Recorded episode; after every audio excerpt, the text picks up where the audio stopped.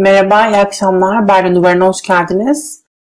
Macaristan seçimleri için yayın yapmıştık hep birlikte. Şimdi o yayını tekrarlıyoruz aslında. Ama yeni gündemler, yeni gündemleri de bunun içine dahil ederek ve o akşam belki biraz olayın şokundaydık. Yani seçimi kaybetmesini bekliyorduk muhalefetin ama bu kadar kötü şekilde kaybetmesini bekliyor muyduk emin değilim. O yüzden bazı konuşamadığımız detaylar vardı. Hem de Türkiye'de olan gelişmeleri şimdi katarak belki daha güncel bir yayın yapmış olacağız diye tahmin ediyorum. Seçimin tarihini hatırlayan var mı Macaristan'da? Vitesle başlayayım. 3 Nisan. 3 Nisan. Edgar o dönem Macaristan'daydı. Bizzat aktarmıştı sonuçları. Tekrar teşekkür ederim Edgar'a ve diğer konuklarıma da bu sefer yayına katıldıkları için. O zaman başlayalım yavaş yavaş. Şimdi Macaristan'a bakıyoruz. Macaristan'da bir işte aday belirleme süreci vardı. Orada da Orban'ın e, Erdoğan'la benzer karakter, benzer bir politik profile sahip olduğunu hep söylüyoruz. Ama ne olduysa oldu. Bir şekilde orada seçimleri kaybetti muhalefet. Orban kazandı. İşte burada muhalefete baktığımızda onlar da bir şeyler yapmaya çalışıyorlar. Yine altı parti bir araya geldi. Ama e, bazı konularda dikkatli olmalılar ki Macaristan'da muhalefetin düştüğü duruma düşmesinler. Şimdi altılı masa geliyor, bir araya geliyorlar, toplanıyorlar. Bir kağıt hazırlanmış oluyor. Kısa bir kağıt oluyor. Genel geçer böyle sanırım Türkiye'deki herkesin aşağı yukarı aynı düşünebileceği bir kağıtla o akşam noktalanmış oluyor. Bunun haricinde de çok aktif bir şey görmüyoruz. Partilerin hepsi kendi politik ajandalarını takip ediyorlar gibi bir durum söz konusu. Bu iyi fikir mi? Sizin senle başlamak istiyorum.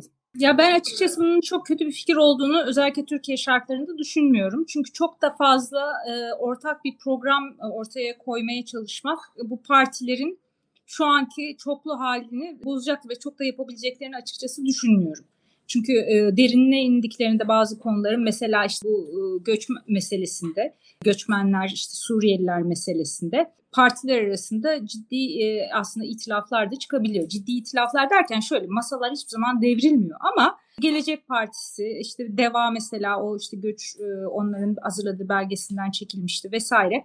Bazı e, hakikaten farklı bakışlar, yaklaşımlar e, oturup da işte böyle kapsamlı. Ya kapsamlı derken bu arada tabii ki ya e, biz belki e, Almanya'daki işte koalisyon dokümanı gibi belgesi gibi bir e, şey bekliyoruz. Bir aslında her şeyin imzaya bağlandığı, taahhütünün konduğu bir şey bekliyoruz.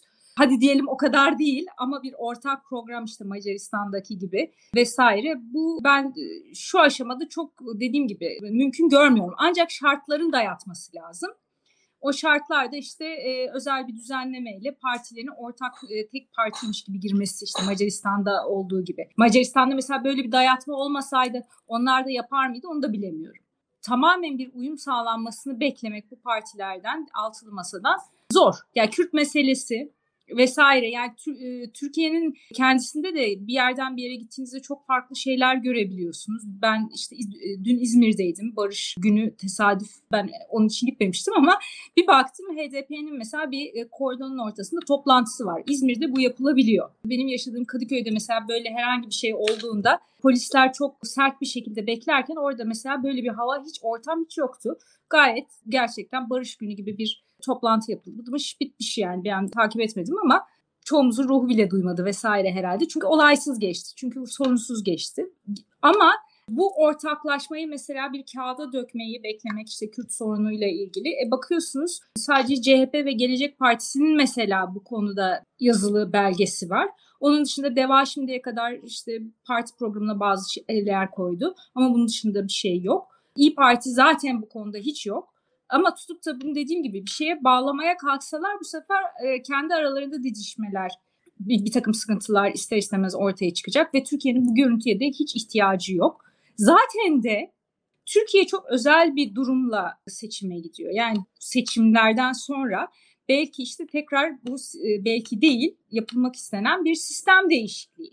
Güçlendirilmiş parlamenter sistem olarak adlandırdıkları bir yapıya dönüş Dolayısıyla burada zaten öncelik o olacaktır. Ee, ve biraz da işte programları bu güç partiler arasındaki güç paylaşımı işte kimin hangi bakanlığı alacağı veyahut da hangi bakanlığın nasıl bir takımla oluşacağı bunun gibi şeyler belirleyecektir. Hangi cumhurbaşkanı yardımcısının hangi portföyü alacağı, hangi bürokratların nereye dağılacağı vesaire. Biraz bunlar etkili olacaktır. Yani bu anlamda alıştığımız anlamda zaten bir parti programıyla da gitmeye belki imkan yok Türkiye'de. Ben de tam Sezen'in bıraktığı yerden devam etmek istiyorum. Bu şey meselesi, bu didişmeler meselesi.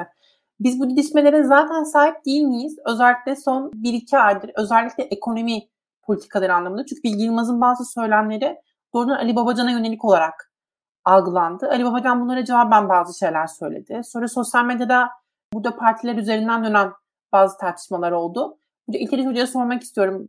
Bu didişmelere zaten sahip değil miyiz? Ya da bu didişmelere sahip olmaktan ne kadar süre daha kaçınabiliriz? Bu konunun cevabı aslında biraz daha makro politik e, süreçleri iyi okumaktan geçiyor. Çünkü İyi Parti ile Deva Partisi arasındaki rekabetin bir uluslararası boyutu olduğunu düşünüyorum. Bir ideolojik boyut olduğunu düşünüyorum.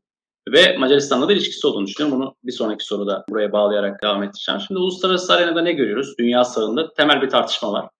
Bu tartışma 2000'li yıllara damgasını vurmuş, muhafazakarlıkla liberal, liberalizmi eklemlemiş, işte bir neokon ideolojiyle bugün yeni doğan ve güçlü bir şekilde kendisini hissettiren Netcon, işte Nationalist Konservatizm, milliyetçi muhafazakarlık arasında büyük bir rekabet var.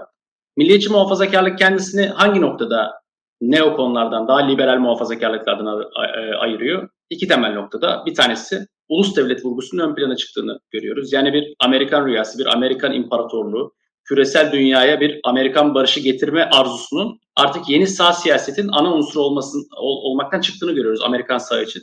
Avrupa sağında da yine ulus devletin güçlendiği, gümrüklerin ve duvarların tekrar yükseldiği bir noktaya işaret ediyor. İkinci olarak da neokonlardan farklı olarak bu çok daha sosyal adalet vurgusuna, sosyal politikaya vurgu yapan bir e, ideoloji, Netcon e, ideolojisi ve bu nedenle çok uluslu şirketlerin vergilendirilmesinden tutun da ucuz konut sağlamaya kadar çeşitli oranda sosyal adaleti tanzim edici, neoliberalizmin açtığı yarayı bir şekilde onarıcı bir e, siyaset gütmeye çalışıyor. Türkiye'ye baktığınız zaman aslında neokon tarzı daha liberal muhafazakarlıkla daha ulus devletçi, milliyetçi ve bu bağlamda da sosyal adaletçi bir milliyetçilik arasında bir rekabet olduğunu düşünüyorum Deva ile İyi Parti arasında. Bunun en bariz gösterenlerinden bir tanesi olarak Bilge Yılmaz'ın ekonomi programını örnek verebiliriz. Çünkü Bilge Yılmaz'ın programı dikkatlice incelendiğinde hemen hemen bütün başlıkların sonunda sosyal adaletin, gelir adaletsizliğinin nasıl düzeltileceği üzerine çeşitli yorumlar yapıldığını görüyorsunuz. Aslında bütün konular bir şekilde toplumsal eşitliği onarıcı mekanizmalara bağlanıyor. Ve bu bağlamda da 2000'li yıllar vurgusu Bilge Yılmaz'ın tamamen bu neoliberal hegemonyanın sağ siyasette hegemonik olduğu döneme dönemin kusurlarına da atıf yaparak bir ekonomi anlayışına sahip. Bir de bunun yanında yine milliyetçi eksende, milliyetçilik ekseninde yine bu Netcon ve Neocon arasındaki rekabetin bir düşümü olarak şunu sürekli vurguladı Meral Akşener grup konuşmalarında. Özellikle bu iki millet meselesini e, işte Benjamin Disraeli'den aldığı bir e, şey. Bir tarafta iktidar kaynaklarıyla sürekli zenginleşen bir rantiye sınıf. Öte tarafta makroekonomik politikalar belki olumlu işaretler verse de sürekli yoksullaşan bir geniş kitleler. Akşener sürekli olarak ikinci sınıfa vurgu yapıp bu ikinci sınıfı politize etmeye çalışıyor. Aslında Anadolu gezileri bile bunun bir göstergesi. Bu nedenle de her ikisinin de aslında hem ideolojik hem ekonomik programında Deva Partisi'nin özellikle AKP'nin ilk dönemini övgü dolu yaklaşımına yönelik bir eleştiri var, eleştiri olduğunu düşünebiliriz. Bu nedenle de iki parti arasındaki farklılığın ve mücadelenin çok daha derin jeopolitik, ideolojik olduğunu görmezden gelemeyiz. Bu iki partinin uzlaşmasını, özellikle seçim sonrasında uzlaşmasını oldukça zorlaştıran bir etmen. Seçim sonrasını zorlaştırıyor. Seçim öncesinde peki nasıl etkileri var ya da nasıl etkileri daha olacak? İlk hocam bunu da size soruyorum. Hemen belki siz eklersiniz. Şimdi burada buradan da Edgar'a hem top atmış olayım. Aslında bu soru şundan da önemli. Macaristan bize bazı önemli veriler sundu. Şimdi Sezin Hanım da bahsetti. Şunu kesinlikle vurgulamak lazım şimdi. 6 partili bir ittifak. 6 partili ittifakın çatışmadan, tartışmadan, yuvarlak masa etrafında buluşarak ortak politika seti kurması kesinlikle seçim kazandırır diye bir şey yok. Yani buradan tam tersine herkes en büyük paydasını masaya getirdiği zaman seçmenin çok da tatmin olmadığı bir siyasetsizlik dönemi açılıyor. Dolayısıyla e, ben bugün altılı masa içerisinde yapılan tartışmaların çok da olumsuz olmadığı kanaatindeyim. Yani ekonomi programı sunması Bilge Yılmaz'ın buna karşılık Deva Partisi'nin bir e, farklı bir noktadan e, siyaset yapması zannettiğimizden daha az olumsuz olabilir. Çünkü aksi de farklı ideolojiye sahip partiler bir araya oturduğu zaman çok daha silik, belirsiz bir siyaset setiyle seçime gitmesine neden oluyor ki Macaristan'da hatırlayalım e, Peter Marquez'e sürekli olarak bu çelişkilerin özellikle Jobbik ve diğer partiler arasındaki gerilimin ortasında kalmıştı ve hem söylemine hem stratejisine hem de programına bu yansımıştı. Dolayısıyla mutlak bir uyum, partiler arasındaki tam uyum her zaman istediğimiz sonucu vermeyebilir. O yüzden de Deva Gelecek İyi Parti CHP arasındaki e, çatışmaların ve çelişkilerin seçim süreci içerisinde muhalefet için büyük bir zorluk oluşturacağını düşünmüyorum. Şeyi mi söylemek lazım? Yani bu partiler bir şekilde kendi programlarını ortaya koyuyorlar. Seçmenlerine biz bunu ortaya koyuyoruz diyorlar ve sonrasında her ne kadar uzlaşmaları zaman alacak gibi olsa da belki zaman da alsa e, bunu ortaya koymuş olmak önemli. Sonrasında yapılan tartışma belli bir düzeyde kaldığı sürece belki o birlik görüntüsü de bozulmuş olmayacak. Hem de seçmenlerini ikna etmeye devam ediyor olacaklar. Şimdi Edgar'a dönmek istiyorum.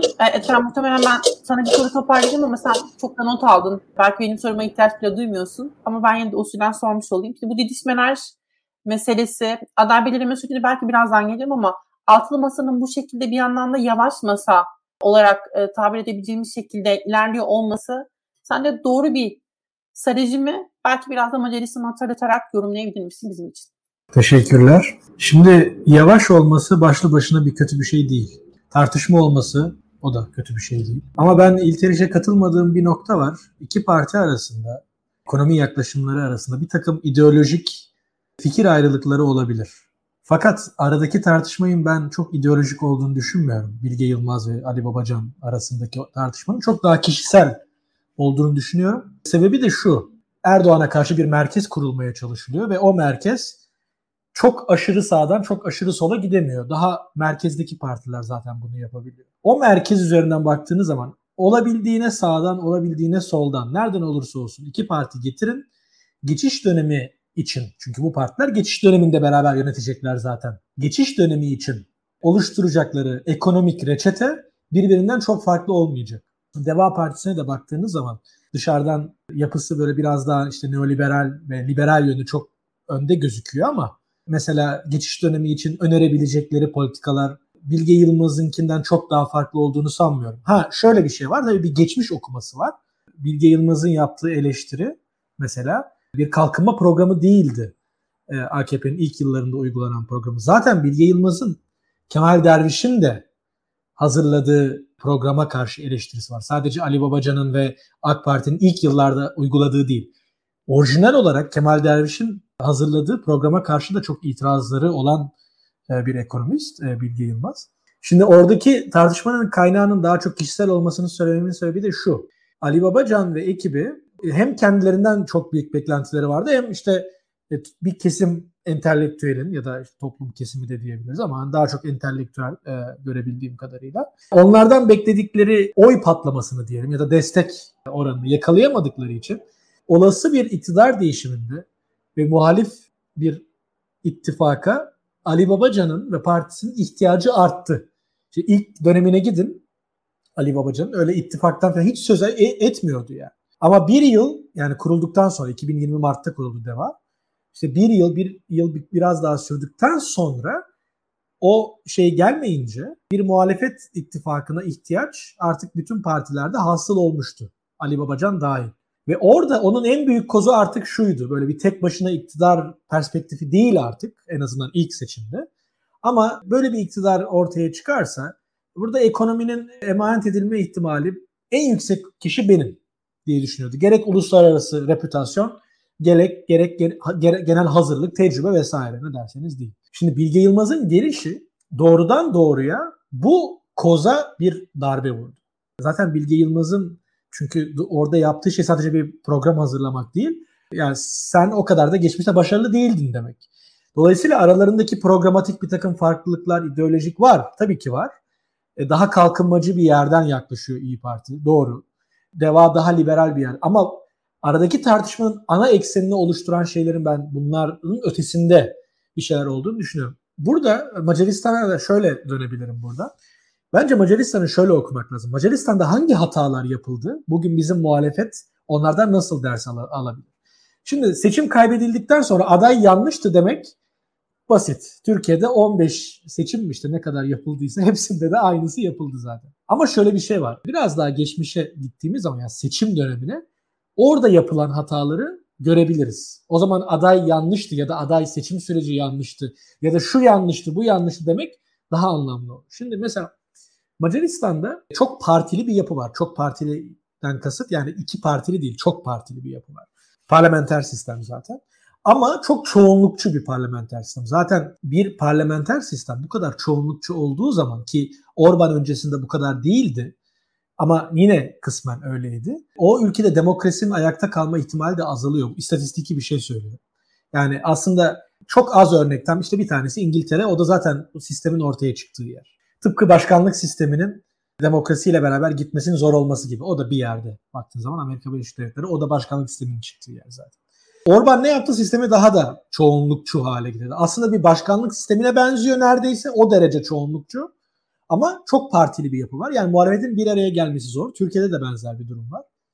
Şimdi siz burada parti bu kadar çok partiyi bir araya getirdiğiniz zaman şimdi nasıl bir olay yaşıyorsunuz ona bakalım.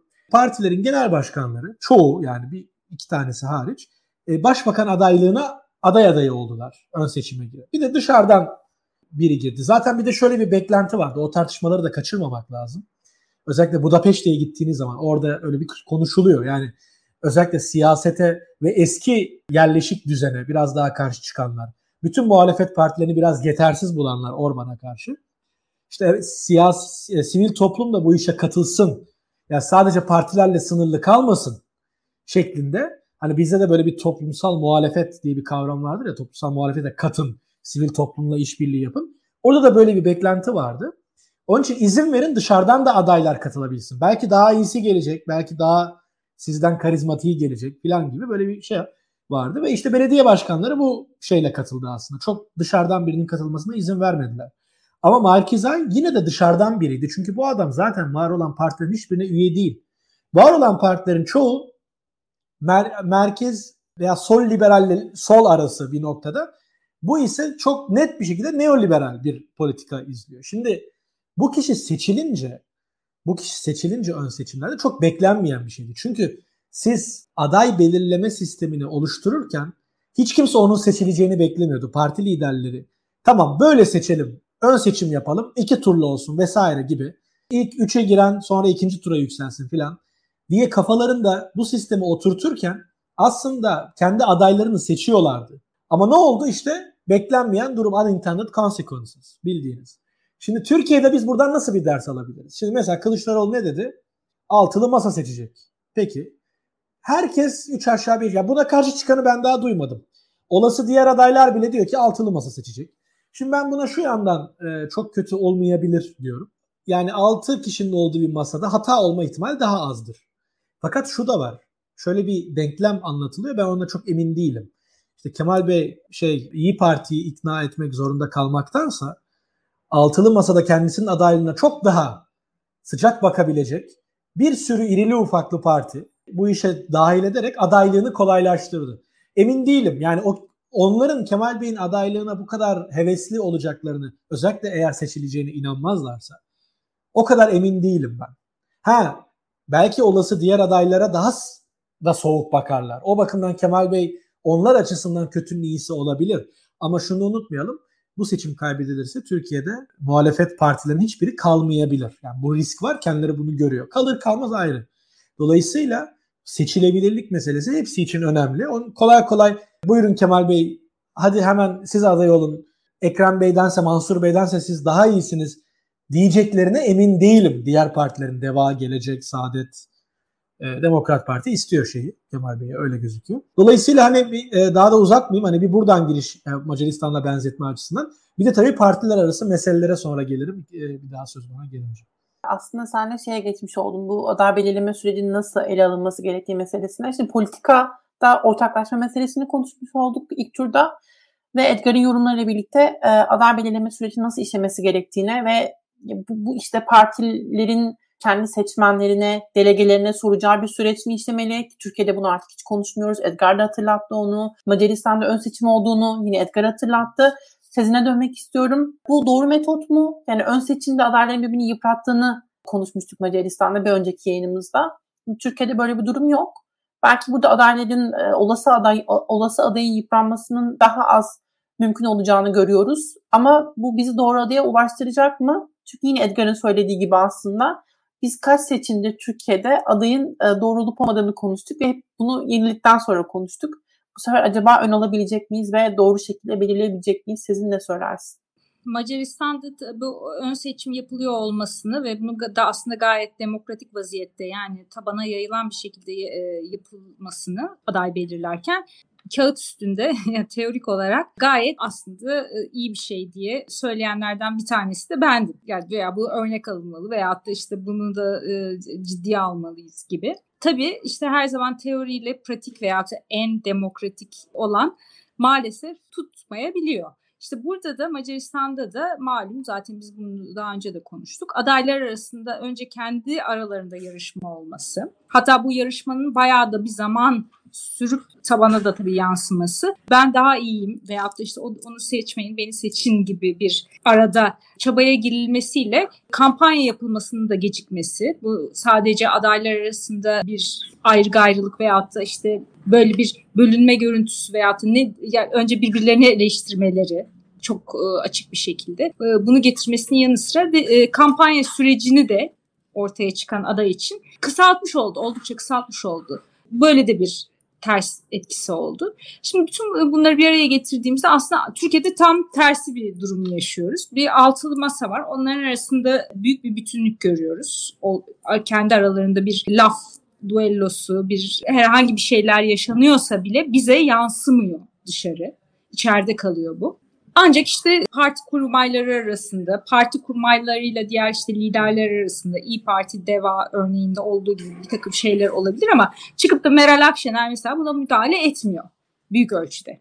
Onun için altılı masanın o masaya bir kez oturdular mı biz hep o beraber görüntüsünü görüyoruz. Ve ister istemez bir e, çalışma e, arkadaşlığı, bir takım oyunu görüntüsü de gelişiyor. Ve burada da Kılıçdaroğlu ismi doğal olarak ön plana çıkıyor. Çünkü masanın e, evet başında oturan biri yok, yuvarlak bir masa ama bir yandan da baktığımızda masanın hani bir e, e babası varsa veyahut da bir reisi varsa diyelim biraz yaş itibariyle de tabii Temel Karaoğlu, Mollaoğlu da var vesaire ama sanki Kılıçdaroğlu burada bir moderatörmüş bir doğal aktör olarak idare eden bir tür hakemmiş gibi bir şey izlenim doğuyor. Doğdu daha doğrusu. Bunu ne kadar kendileri niyetleri vardı ne kadarı dışarıya işte yavaş yavaş oluşan algılarla çıkıyor. Bu tartışılır tabii ki. Bunu bilmek için zaten altılı masanın arasındaki dinamikleri de biraz o aslında opak yapıyı da bilmek lazım. Ankara kulislerinden bir takım şeyler konuşuyor, konuşuluyor veyahut da bu liderler birbirlerine aslında çok da bayılıyor, se- seviyor veyahut da çok da iyi anlaşıyor olmayabilirler. Bir takım gerilimler bizlere e, yansıtılmayan oluyor olabilir. Ama dediğim gibi biz bunları biz bu ekibi bütün olarak görmeye alıştık. Bir çalışma ekibi olarak görmeye alıştık ve Kılıçdaroğlu aday olsa seçilse diğerleri de Cumhurbaşkanı yardımcıları olsa yadırganmayacak bir tablo ortaya çıktı. Bu saatten sonra e, daha popüler adaylar olsa bile bir kere onların e, test edilip onaylanma süreci de devreye girecek. Dolayısıyla Kılıçdaroğlu ister istemez bir sürpriz olmazsa doğal aday olarak karşımıza çıkıyor. Yani bu enteresan bir şekilde algılar üzerinden giden demokratik böyle bir oylamaya dökülmemiş ama bir nevi de o, o halk oyundan geçmiş gibi oluyor ister istemez. Ee, öbür tarafta ise tam işte Macaristan'da olan ise tam tersi oldu. Önce adaylar hakikaten yarıştı. Hakikaten iş oylar sandıkla ortaya kondu. Sonra algılar şekillendirilmeye çalışıldı. Atı arabanın önüne koymak gibi oldu biraz yani o anlamda. Oluyormuş demek ki diye biz de pratikten öğrendik. Macaristan seçimlerinin önce olması bir anlamda Türkiye için avantaj oldu bu arada. İlkin soruya dönmek istiyorum şimdi. Bu altılı kişinin e, partilere hiç danışmadan kendileri kendi aralarında anlaşacakları şekilde bilmiyorum artık nasıl e, bir de üstelik diyorlar ki biz masada bu konuları hiç konuşmuyoruz. Bir yere geldiğimizde bu konuya hiç değinmiyoruz. Belki ikili temaslar halinde bu süreç yürüyor. Bu doğru bir formülasyon mu? Bu şekilde bir doğru adayı belirleyebilecek miyiz sizce? Şimdi bu formülasyondan önce önce bir Macaristan'a gidelim. Macaristan'da neler olmuştu hatırlayalım. Muhalefetin orada adaylık sürecine nasıl geldiğini ve bu noktada yaptığı hataları bir görelim. Çok detaylı konuşmaya gerek yok. Zaten daha önceki yayında bunu anlatmıştık ama bazı temel noktalar var ve seçimi kaybettiren temel birkaç nokta var. Şimdi Macaristan'da adaylık seçimi yeni bir e, ortak aday belirlenme süreci çok eskiye dayanıyor. Yani 2014'ten beri bu tartışma var Macaristan'da. Özellikle 2012'de seçim yasası değişmişti. Seçim yasası değiştikten sonra çok daha adaletsiz bir hale gelmişti e, Macar seçim yasası. Bu nedenle de bir ortak aday belirleyelim anlayışı e, konuşuluyordu. Bu yavaş yavaş olgunlaştı. İşte ilk olgunlaştığı yerde aslında Peter Markizey'in 60 bine yakın nüfus olan küçük kasabasıydı. Burada eski bir Orban'a partisine mensup Fidesli e, Peter Markizey işte 7 çocuğu var. Katolik, muhafazakar ama aynı zamanda makul de bir muhafazakar. Niye? Çünkü Kanada'da Kanada'ya gitmiş. E, çok uluslu şirkette yöneticilik yapmış. Dolayısıyla liberal değerleri de sahip ama aynı zamanda da muhafazakar bir ismi aday yapalım ve bu adaylık üzerinden bu seçim alalım anlayışı e, yerleşmişti ve başarılı olundu. Çünkü bu kasaba 1991'den beri Fides tarafından yönetilmişti. Türkiye'nin Konya'sı gibi bir yer ve e, bu galibiyet inanılmaz bir moral motivasyon yaratmıştı ortak adayın belirlenmesi konusunda. Fakat 2018 seçimlerinde bu bahsettiğim hemen 2018'den önceki bir ara yerel seçim 2018 genel seçimlerinde muhalefet bir araya gelemedi. Bu bir araya gelemeyişin en önemli nedeni de Milliyetçi Parti, Jobbik'in kendisini diğer partilerden ayıran daha milliyetçi çizgisi ve bu milliyetçi çizgisiyle aslında Fidesz'in oylarını bölmeye yönelik izlediği strateji ve politikaydı. Fakat başarılı olamadı muhalefet partileri ve arkasından 2019-20'li süreçlere geçildi ve sonunda Peter Markizey'in adaylığı artısıyla eksisiyle onaylandı. Fakat onaylandıktan sonra seçim sonuçlarına baktığımızda aslında seçim kampanya sürecinde bunu görmüştük. Ben iki tane e, çok değerli gazeteciyle orada e, görüşme yapmıştım seçimden önce. Onlar bu e, unsuru çok net bir şekilde vurgulamışlardı özellikle kırsalda. Yobik silindi. Yobik oyları silindi. Şimdi bu altılı parti ittifakı kurduğu zaman aslında güvendikleri parti bir anlamıyla özellikle kırsalda, metropol dışında bu Milliyetçi Parti'ydi. Fakat kampanya ilerledikçe Milliyetçi Parti bir anda sahadan silindi. Yani Macaristan'ın en büyük ikinci partisiydi birkaç seçim önce ve e, hemen Avrupa Birliği seçimlerinde yine ikinci parti olarak çıktı. Anketlerde de e, işte Dobrev'in e, DK'sıyla e, yarışan ikinci veya üçüncü partiydi. Bu iyi Parti'ye benzeyen bir e, oy oranına sahipti açıkçası. Ama seçim kampanyası boyunca ne örgütü teşkilatları ne seçmeni muhalif adayın arkasında gözükmedi. Sesleri de çıkmadı, kendileri de gözükmedi. Fakat seçim sonuçları bize neyi gösterdi? Yeni bir partinin hiç hesapta yokken %5 barajını aşıp Mihazang dediğimiz partinin çok ciddi bir oy aldığını bize gösterdi. Mihazang, Jobbik'in liberallerle ve demokratlarla ve sosyalistlerle işbirliği yapıp demokrasiyi inşa etmesine karşı bir pozisyon aldı ve dedi ki demokrasi gelmesin fakat e, onlarla da bir araya gelmeyelim. Aslında durduğu nokta sadece buydu aslında. Türkiye'den de e, benzeyen bir e, parti var işte Zafer Partisi'ne benzeyen bir tarz var. Daha uç sağ, daha aşırı sağ bir e, parti. Daha sert bir göçmen karşıtı yapıyor. Jobbik liberalleştikçe, merkeze geldikçe bu alanı doldurdu. Fakat bundan daha önemlisi Mihazank'ın muhalefete verdiği zarar, muhalefetin kurguladığı merkez söylemini çökertti. Özellikle uçtaki seçmenin bir kısmını kendisine çekti fakat bir kısmını Orban'a geri itti. İşte 2000, e, 2021'in e, Ekim-Kasım ayında kafa kafaya hatta muhalefetin önde başlayıp daha sonra geriye düşmesine neden olan süreç milliyetçi oyların Orban'ın arkasına geçmesi veya Mihazank'ın arkasına geçerek altılı partinin liberal merkez söylemini desteklememesiydi. Bu Macaristan'a özgü bir olay değil. Neden değil? Bugün bakıyoruz şimdi. Orban eski Orban değil. Henüz SPAC'te yaptığı konuşmada Amerika'da görmüşsünüzdür. Bunu vurguluyor. Kendisinin de değiştiğini vurguluyor. Kendisinin başka bir noktaya evrildiğini vurguluyor. Çok daha milliyetçi bir noktaya evrildi. Çok daha 98'lere giderseniz çok daha liberal bir adam. 2010'larda muhafazakar. 2020'lerde ise bu savaş, işte pandemi ve arkasından bu ekonomik zorluklar vesaire daha milliyetçi ve göçmenlik tabii ki. Milliyetçi bir çizgiye evrildi Orban. Bunun yanında ne var? Fransa'da görüyoruz. Tarihin en yüksek oyunu almış bir Le Pen var. Le Pen olmasını bırakalım. Le Pen'in daha sağında çok ciddi bir oy almış. Değil mi? Zemur var. Benzer bir şekilde İtalya'ya bakıyoruz. İtalya'da işte Salvini gitti. Şimdi konuşulan kişi Meloni. Veya uzay gitmeyelim yine İngiltere'ye bakalım. Boris Johnson ayrıldıktan sonra sesini en çok çıkaran isimlerden bir tanesi Nigel Farage. Ne diyor Nigel Farage mesela son açıklamasında?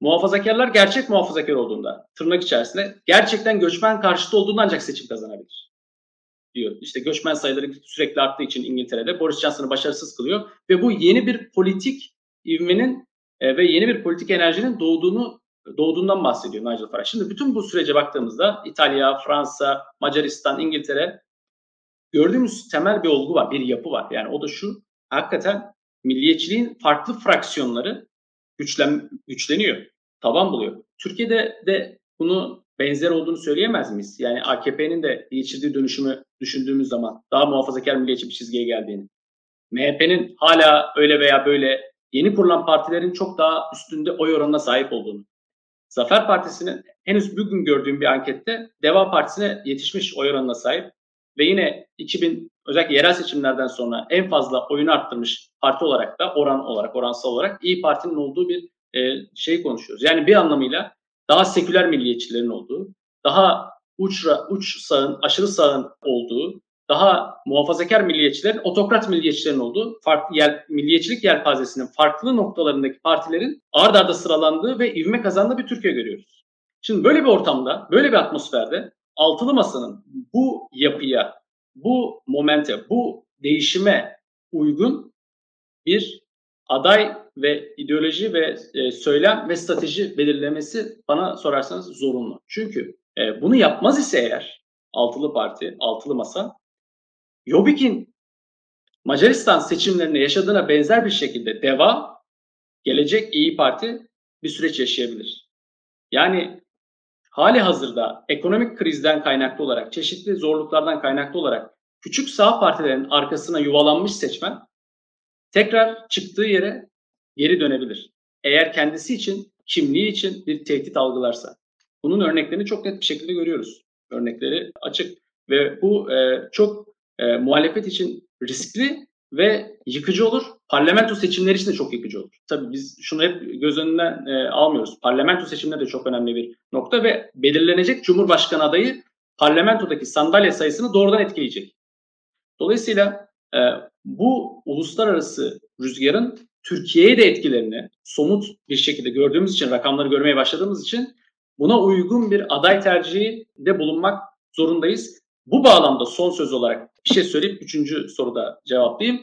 E, Kılıçdaroğlu'nun adaylığı en optimal e, çözüm olarak altılı masanın önünde e, en optimal çözüm olarak durmadığını düşünüyorum.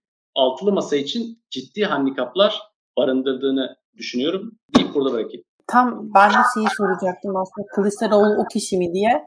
Ama onu bir sonraki tura bırakalım madem. Edgar'a dönmek istiyorum. Şimdi bu, bu turda biraz daha adayın nasıl belirlenmesi gerektiğini konuştuk. Sen oradan başlatmışsın aslında. Şimdi şeye geçmek istiyorum biraz da. Adayın profili meselesine geçmek istiyorum. Nasıl bir profili olmalı? Ee, Macaristan'ı tekrar hatırlayarak belki. Nasıl bir adaya ihtiyacımız var ve aday aslında ne kadar önemli? Kılıçdaroğlu'nun doğru aday, aday olup olmadığı sorusunu sorabilirim aslında bu turda diye düşünüyorum. İlteriş'in söyledikleri çok önemli. Ama bahsettiği ülkelerden Türkiye'nin şöyle bir farkı olduğunu düşünüyorum. Bugünkü iktidarın geldiği nokta açısından. Bugün Türkiye çok ciddi krizler yumağı içinde ve giderek bunun büyüyeceğini e, göreceğiz. Ve e, seçmen artık bu iktidarı bu e, krizler yumağından sorumlu tutuyor. Bu da ister istemez ekonomik meseleleri tabii çok daha üst sıralara çıkarıyor. Bu e, önemli bir şey. Tabii bütün ülkelerde ekonomi seçimlerin genel konusu olur ama mesela şöyle bir e, durum da var. Bizdeki altılı masanın ya da işte ufak farklar açısından söylüyorum. Özellikle CHP ve İyi Parti'nin ana ağırlık merkezini oluşturduğunu hesaba katarsak mesela göçmen karşıtlığı varsa Türkiye'de o da muhalefetten doğan bir e, şeydi aslında. Bunu hesaba katmak lazım. Hani şöyle bir durum olmadı mesela şöyle söyleyelim. İşte Türkiye'de zaten göçmen karşıtı olmayan mesela Avrupa'dakinden farklı olarak böyle ciddi bir sol, liberal ve merkez bir muhalefetten bahsedemiyoruz aşırı sağ bir iktidara karşı. Burada aşırı sağ iktidar zaten mültecilerle ilgili yanlış politikaları uyguladı ve bunları eleştiren bir muhalefet var. Şimdi Zafer Partisi mesela o açıdan baktığımız zaman hani Mihazank'la falan karşılaştırıyorum. İktidarın çok memnun olduğu tabii bir parti. E, her, ne kadar Mihazank tıpkı Mihazank'tan şeyin Orban'ın memnun olması gibi bir e, paralellik kurulabilir. Ama işte fark şurada. E, burada işte Jobbik'in ya da İyi Parti'nin diyelim mesela muhalefetteki partilerle olan birliği örneğin mülteciler konusunda çünkü Türkiye'de çok hassas bir konu haline geldi bu. Bir yumuşama anlamına gelmiyor. Neden gelmiyor? Çünkü ağırlık merkezi zaten Türkiye'de iktidara mülteciler üzerinden politik bir muhalefetin merkezini oluşturmuş bir ağırlık merkezi. Yani böyle bir fark var. Onun ben etkili olacağı kanaatindeyim ama e, soruna gelirsek şimdi aday ben şöyle açık söyleyeyim. Şu aday bu aday daha doğru diyemiyorum. Hepsinin hepsinde konuşabileceğimiz avantajları dezavantajları var. Bunu söyleyelim. Tabii ki kriterleri alt alta yazdığımız zaman birinci sıraya seçilebilirliği koymak durumundayız. Yani bu çünkü sadece öncelik olarak değil zaman anlamında da o olmayınca diğerleri olmuyor zaten. Onu koyabiliriz ama sonrası da önemli. Hani muhalefet bir şekilde kazanıp sonra yine kaybedebilir. Dolayısıyla sonrasını da bizim e, düşünmemiz lazım. Macaristan'dan ders alınması anlamında baktığımız zaman adayın profili konusunda ben şunu söyleyebilirim. İsim vermek zorunda kalmadan. O da hani etik bir sebepten ötürü değil. Gerçekten hani şu aday olsun kesinlikle diğerlerinden her açıdan daha iyi diyemiyorum. Üç tane aday var konuştuğumuz. Meral Akşener ısrarlı bir şekilde kendisinin olmadığını söylediği için üç diyorum. Ve o üçü arasında bu yorumu yapıyorum. Ama Macaristan'dan ders alınacaksa şu konuda alınır. Şimdi, Hangi üç Edgar? Kılıçdaroğlu Yavaş ve İmamoğlu, İmamoğlu Yavaş. Evet, evet. Hatta İmamoğlu'nun adı daha az son zamanlarda şey oluyor ama yani zaman zaman bütün adayların arasında birisi daha az anılıyor. Diğer ikisine e, şey kalıyor falan filan. O yani e, konjonktürel bir şey de olabilir. Ben sonuçta adı geçen 3 kişiden bahsediyorum. Şimdi e, şeyde şöyle bir şey oldu. Şimdi yine çok partili bir yapı olduğu için Türkiye'de de benzer bir durum var.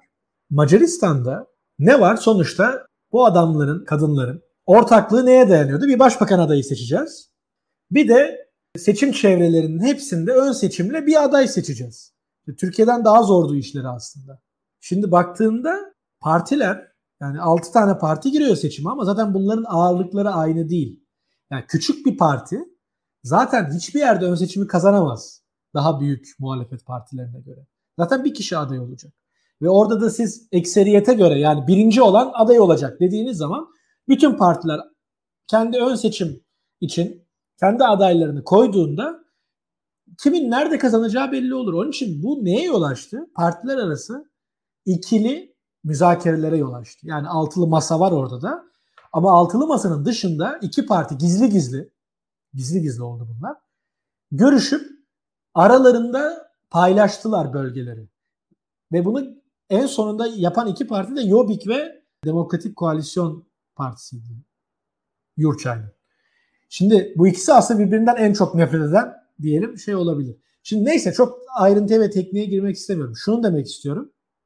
Ortak aday noktasına gelindiğinde beklenmeyen bir aday çıktı ve Markizay ile Jobbik arasındaki tartışma kısmen İyi Parti ve DEVA arasındaki rekabete benzetilebilir ideolojik yönüyle de olabilir ama onun haricinde hani yeni dönemde kim bu sağı temsil edecek meselesi aslında. Bu bir asıl rekabetin şeyi o.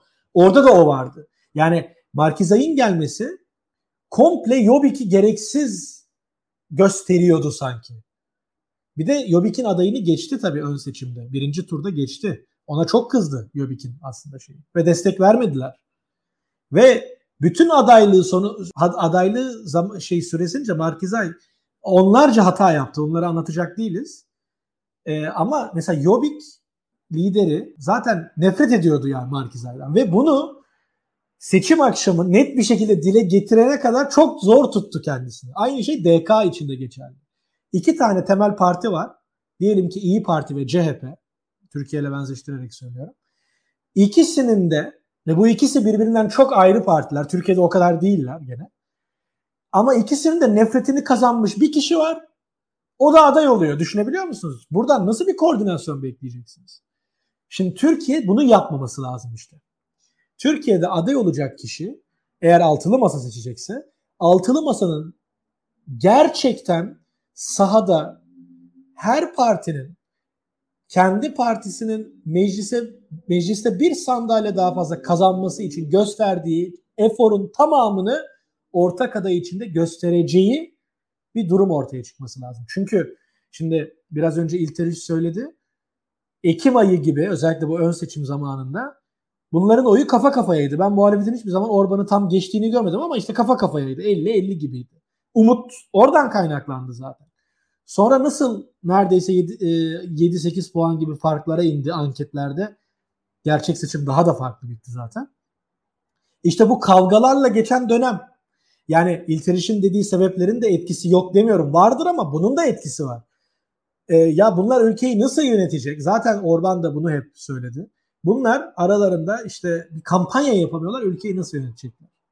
Şimdi bizde demek ki bir bu kavganın bu şekilde olmaması lazım. Bu çok önemli. İki çıkan adayın hani profil kim olmalı nasıl olmalı dedin ya. Profil kim olursa olsun varsa bu üç adaydan biri bunu daha iyi başaracak ben onu tutarım. Altı partinin de ya da işte şimdi biri çıkıp da şey diyebilir. Neyse cümleyi bitireyim ilk önce. Altı partinin de net desteğini ama samimi desteğini sahada karşılık olan desteğini oyu birse bir, iki ise iki, onsa on alması lazım. O açıdan bir outsider dışarıdan birinin olmaması bu açıdan önemli. Ama bizdekilerin hiçbiri tam dışarıdan sayılmaz. Yani nispeten Mansur Yavaş mesela biraz sayılabilir. E, bu çok önemli. Bu olmadığı zaman en büyük e, handikap olur diye düşünüyorum. Bunun üzerinden bizim yaklaşmamız lazım. Bir de tabii ki burada seç, bu, bu kişiler şimdi ortak kampanya zor, ortak program zor. Zor tabii ki. Ama zaten geçiş döneminde ülkeyi beraber yönetecekler. Ve şu an birçok lider geçiş döneminden sonraki seçimleri neredeyse hesaba katarak politikalarını belirlemeye başladı bile. Bu da normaldir. Yani siz ülkeyi düşünmüyor musunuz? Kendinizi bu kadar çok düşünüyorsunuz diyorlar. Ama yani siyasetin doğası bu. Dünyanın hiçbir yerinde böyle bir siyasi böyle bir muhalefet yok. Bizim muhalefet bizim gibi ülkelerin çoğundan ki muhalefetlerden daha başarılı. Onu da hakkını verelim yani. O bakımdan geçiş döneminin yönetilebilmesi meselesi önemli. Orada ben mümkün olduğunca mesela ekonomi konusunda şimdi ne yapacaksınız ekonomi konusunda? Muhteşem bir şey program çıkarabilirsiniz. Peki kavga çıkmadan o işi nasıl yöneteceksiniz? Aday meselesi nasıl yöneteceksiniz? Yani bu bu konuda bunları yönetebilecek süreçler çok önemli. Kazanabilirliğin yanında tabii ki bunu söylüyorum.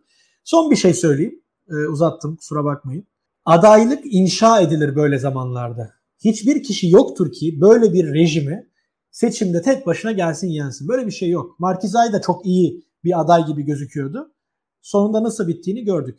WhatsApp grupları vardı liderlerin. Gruptan attılar adamı seçim akşamı. Şimdi Türkiye'de de böyle şeyler olabilir. Hangi aday olursa olsun. Yavaş'ın oyu kaç gözüküyor şu an? 60'larda falan değil mi? Aynı şey yaşanabilir. Burada şu önemli. Adaylık inşa edilir. Bu kadar talep edilerek olmaz bu iş. Eğer Kemal Bey aday olacaksa örnek olarak söylüyorum örnek olarak Kemal Bey aday olacaksa bunun planının çok iyi yapılması lazım. Onun için şimdi ben partilerin, liderlerinin böyle biz hala bu konuyu konuşmuyoruz demelerine ben sinir oluyorum. Çünkü ya konuşmaya başlayın artık. Tamam kamuoyuna sonra açıklayın. Seçimden hemen önce açıklayın. Önemli değil ama siz konuşmaya başlayın çünkü bu zor bir mesele.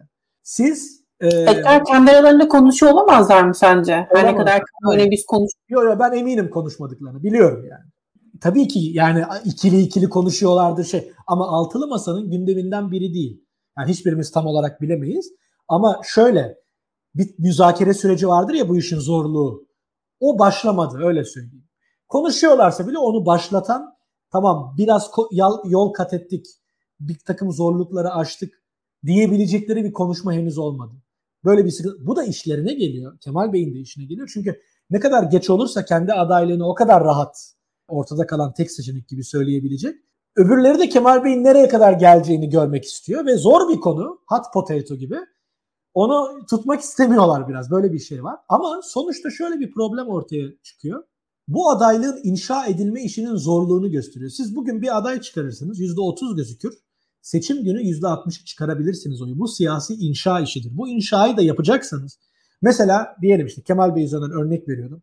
Kemal Bey aday olacaksa altılı masa herkes bütün partiler tamamdır yani bu tek seçeneğimiz ne yapalım diye karar verdilerse o zaman ne yapılması lazım?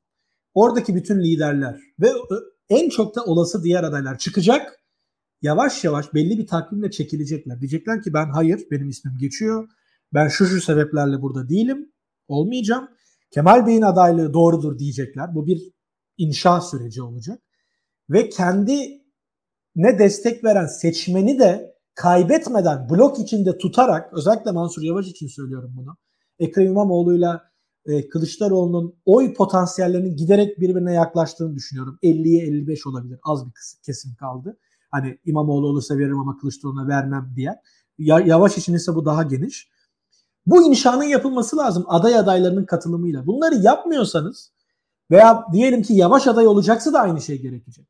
Onun için bu sürecin bir şekilde başlaması lazım diyeyim burada durayım.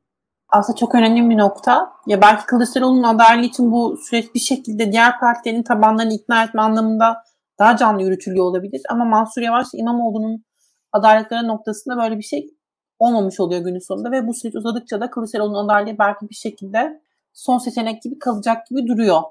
Sizin sana dönmek istiyorum. Aday meselesi aslında bu seçimlerin ne ölçüde belirleyici olacak ve buradan yola çıkarsak nasıl bir aday profiline ihtiyacımız var? Kılıçdaroğlu doğru kişi mi? Aslında e, Macaristan'dan en temel fark olarak Macaristan'ın se- seçime gittiği dönemden en temel fark olarak Türkiye'de e, hakikaten ağır bir hepimizi farklı farklı şekillerde etkileyen bir ekonomik kriz e, yaşandığını unutmayalım giderek de derinleşen. E, tabii bu e, hakikaten de e, algıları da değiştiriyor, yaklaşımları da değiştiriyor ve Türkiye'de belki de üzerine yıllar yıllarca daha konuşacağımız bir seçmen algısı, genel olarak seçmenlerin kimlik konusuna algısı, seç, seçmenlerin kendini tanımlamasıyla yönelik dair e, algıların değiştiği. Bizim işte klasik ezberlerimiz zaten onu Z kuşağı anketlerinde aslında hakikaten 15-18 yaşa özellikle inebilen anketlerde görüyorduk. E, çok daha işte klasik o muhafazakar e, kimliğin değiştiğini e, veyahut da işte e, e, mesela özellikle Atatürkçülük laiklik de değil de Atatürkçülüğün muhafazakarlar arasında bile ön plana çıktığını mesela bunun gibi şeyleri görüyorduk. Ya bir değişim yaşanıyordu orada. Belki Atatürkçülük de konuyu tanımlamıyordu. Ben o, o e, değil. Tabii ki ayrıca Macaristan'da e, tamamen bir illüzyon olan e, göçmen e, meselesi Türkiye'de gerçek bizim her gün yaşadığımız bir realite. En liberal bakışlarımız bile herhalde bugün kolonyal adeta bir e, durumda olduğunu, kendi e, ülkesinde aslında yabancıların daha iyi durumda olduğu hissiyle yaşamak durumunda. Bu gerçekten bu e, bir, bir nevi e, kolonyal eski e, çağrışımları da getiriyor. Türkiye her ne kadar işte e, sömürge deneyimini yaşamamış olsa da o e, postkolonyalizme adeta e, hissetmiş de bir ülke. Kurtuluş Savaşı tarihi ve anlatısı e, söylemi ve nüfuz eden bir algı da var e, bundan dolayı. O, o imparatorluğun yıkılması vesaire e, bütün o sürecin aslında psikolojisiyle. E şimdi Macaristan'da tabii Avrupa imparatorluk yıkılması sürecinin başka şeyleri var, tezahürleri var ama dediğim gibi yani biz ee, başka biçimde zaten bu e, göç konusunu yaşamaktayız bambaşka bir e, vaziyette ve tabii ki sadece göç konusu da değil. İşte bunun yabancılar vatandaşlık alıyor, almıyor. Türk lirasının düşüşü, herhangi bir yabancı paranın e, çok daha Türkiye'de geçer akçe kalıyor olması. O kadar çok şey var ki yani sadece yaz mevsimi bile bu algılarda etkili olmuştur. Turistlerin farklı ülkelerden turistlerin ne kadar daha iyi yaşadığını, e, ülkenin keyfini adeta onların çıkardığını görmekteyim. Mesela örnek olarak söylüyorum. Macaristan'ın böyle şeyleri yok. Şimdi Orban tabii ki benim orada yaşadığım dönemlerde ve e, bu 2015'e gelene kadar işte bu göç meselesini ortaya koyduğunda bir kendine göre kurgu yaratmaya çalışıyordu fakat bu tutmuyordu. Ama 2015'te bu hakikaten piyango bileti adeta ona piyango çıkmış gibi oldu. Ee, o göç krizi yaşandı ki ben de o dönemde oradaydım. Akın akın hakikaten göçmenlerin geliş, e, e, sığınmacıların gelici, geliyor olması bir ilk önce büyük bir ülkenin kendi göç tarihini Macaristan'da çok göç vermiş bir ülke sığınmacıların, mültecilerin çok hakikaten tarihinde bunları yaşamış da bir ülke. Macarlar kendileri bu duruma düşmüşler. O hatıralar canlandı vesaireydi. Bir aslında bir kapı açış veya da destek olma. Zaten orada kalmayacaklar. İşte bir geçiş rotası gibi kullanıyorlar vesaire gibi bir yaklaşım oluştu. Ama sonradan Orban hakikaten kendi muhafazakarlığını giderek yükseltti ve çiçek açtırdı. Bugün biz Türkiye'de aslında AK Parti'nin muhafazakarlığının düşüşte olduğunu görüyoruz. AK Parti'nin kendini yenileyemediğini, bir yeni muhafazakarlık çiçeklendirmesi yaşatamadığını görüyoruz. En son bu Gülşen hadisesi belli ki bunun bir çabasıydı hakikaten de e, ve hala bunun sürdürülüyor olması. Bunun gibi başka şeyleri de göreceğiz muhakkak olduğunu. Ama Orban nasıl giderek kendi muhafazakarlığını ve milliyetçiliğini çiçeklendiriyorsa Şimdi işte e, Amerika'nın e, Amerikalı e, muhafazakarların ve cumhuriyetçilerin yıldızı haline geldi. E, malum Teksas'taki e, ilk işinde değindiği e, konuşması, da, oradaki davetle vesaire. Ama onun dışında e, oradaki işte e, Fox News'un e, e meşhur e, sunucusu Tucker Carlson'ın yere göğe koyamadığı bir kahraman figürü gibi sunuldu Orban. O anlamda onun ideolojisi tam da şimdi altın çağını yaşıyor. Öyle bir fark var. AK Parti'nin ideolojisi ise e, bir türlü çiçeklendirilemiyor. Tamamen kuru çiçek haline mi dönmüş artık nedir bilemiyorum. Yani e, yapma çiçek haline dökmüş, tozlanmış vaziyette. Ne derseniz artık. Ve eskiliği çağrıştırıyor. Halbuki dediğim gibi Orban e, şimdi e, giderek farklı farklı sebeplerden altın çağını yaşamaya doğru gidiyor. Öyle bir e, bir tarafta güneş batıyor, bir tarafta güneş doğuyor gibi bakabiliriz. Bunun ötesinde tabii ki e, bir e, Macaristan'ın e, bu ekonomik kriz dedik. İşte bu e, şeyin çiçeklendirilmesi dedik. ideolojinin çiçeklendirilmesi aradaki farklar dedik. E, bir de Türkiye'de e, hakikaten de Avrupa Birliği etkisi bitti. Şimdi orada bir de Avrupa Birliği boyutu vardı. Belki onu e, zaman kalırsa kısa konuşuruz ayrıca. Orada Avrupa Birliği'nin politikalarına da bir baş kaldırma. Yani zaten Orban iktidarda ama muhalefette gibi. AK Parti de uzun süre böyle gibiydi dünyaya kafa tutuyor veyahut da işte hep yerinden edilmeye çalışıyor. İşte iç mihraklar var, dış mihraklar var, şu bu. Öyle şeyler yaşanıyordu.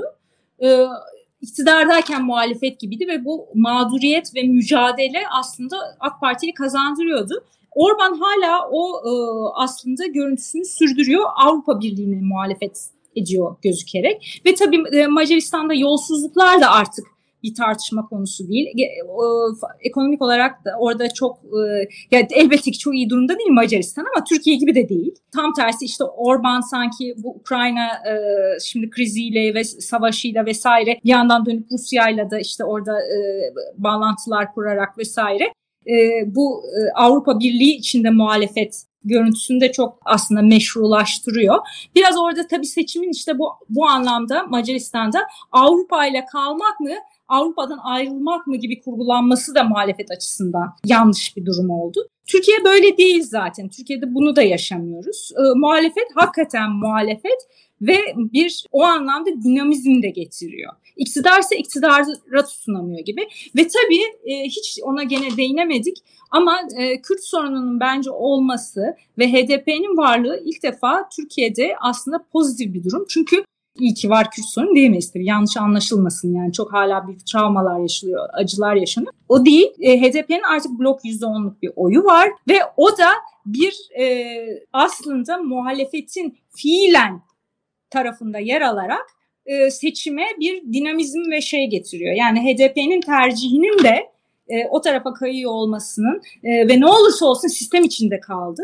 E, bunun aslında e, o homojenliğe yani tek bir seçmen kitlesi e, aslında Macaristan'da bu kadar kimlik farklılıkları var gibi gözüküyor ama asıl kimlik farklılığı e, kırsal ve e, kozmopolit arasında veya daha işte liberal ve muhafazakar arasında geçiyor. Halbuki Türkiye'de böyle bir durum e, dediğim gibi HDP e, dolayısıyla da yok. O bir e, de, bütün dengeleri değiştiren bir şey getiriyor. Son olarak son son son şunu söyleyeyim. E şimdi biz bu kadar Macaristan'ı konuşuyoruz. Burada konuşacak biz varız hiç olmazsa. Ama Macaristan'da mesela Türkiye'yi konuşurlar mıydı veya konuşulur muydu? Yok çünkü önemsizliğinden dolayı değil. Orada öyle bir aslında ne, ne medya kaldı ne muhalefet tam anlamıyla kaldı. Ee, seçim öncesinde de bu böyleydi aslında. Yani orada tamam muhalefet partileri var bir araya geldiler büyük bir blok oy oluşturabiliyorlar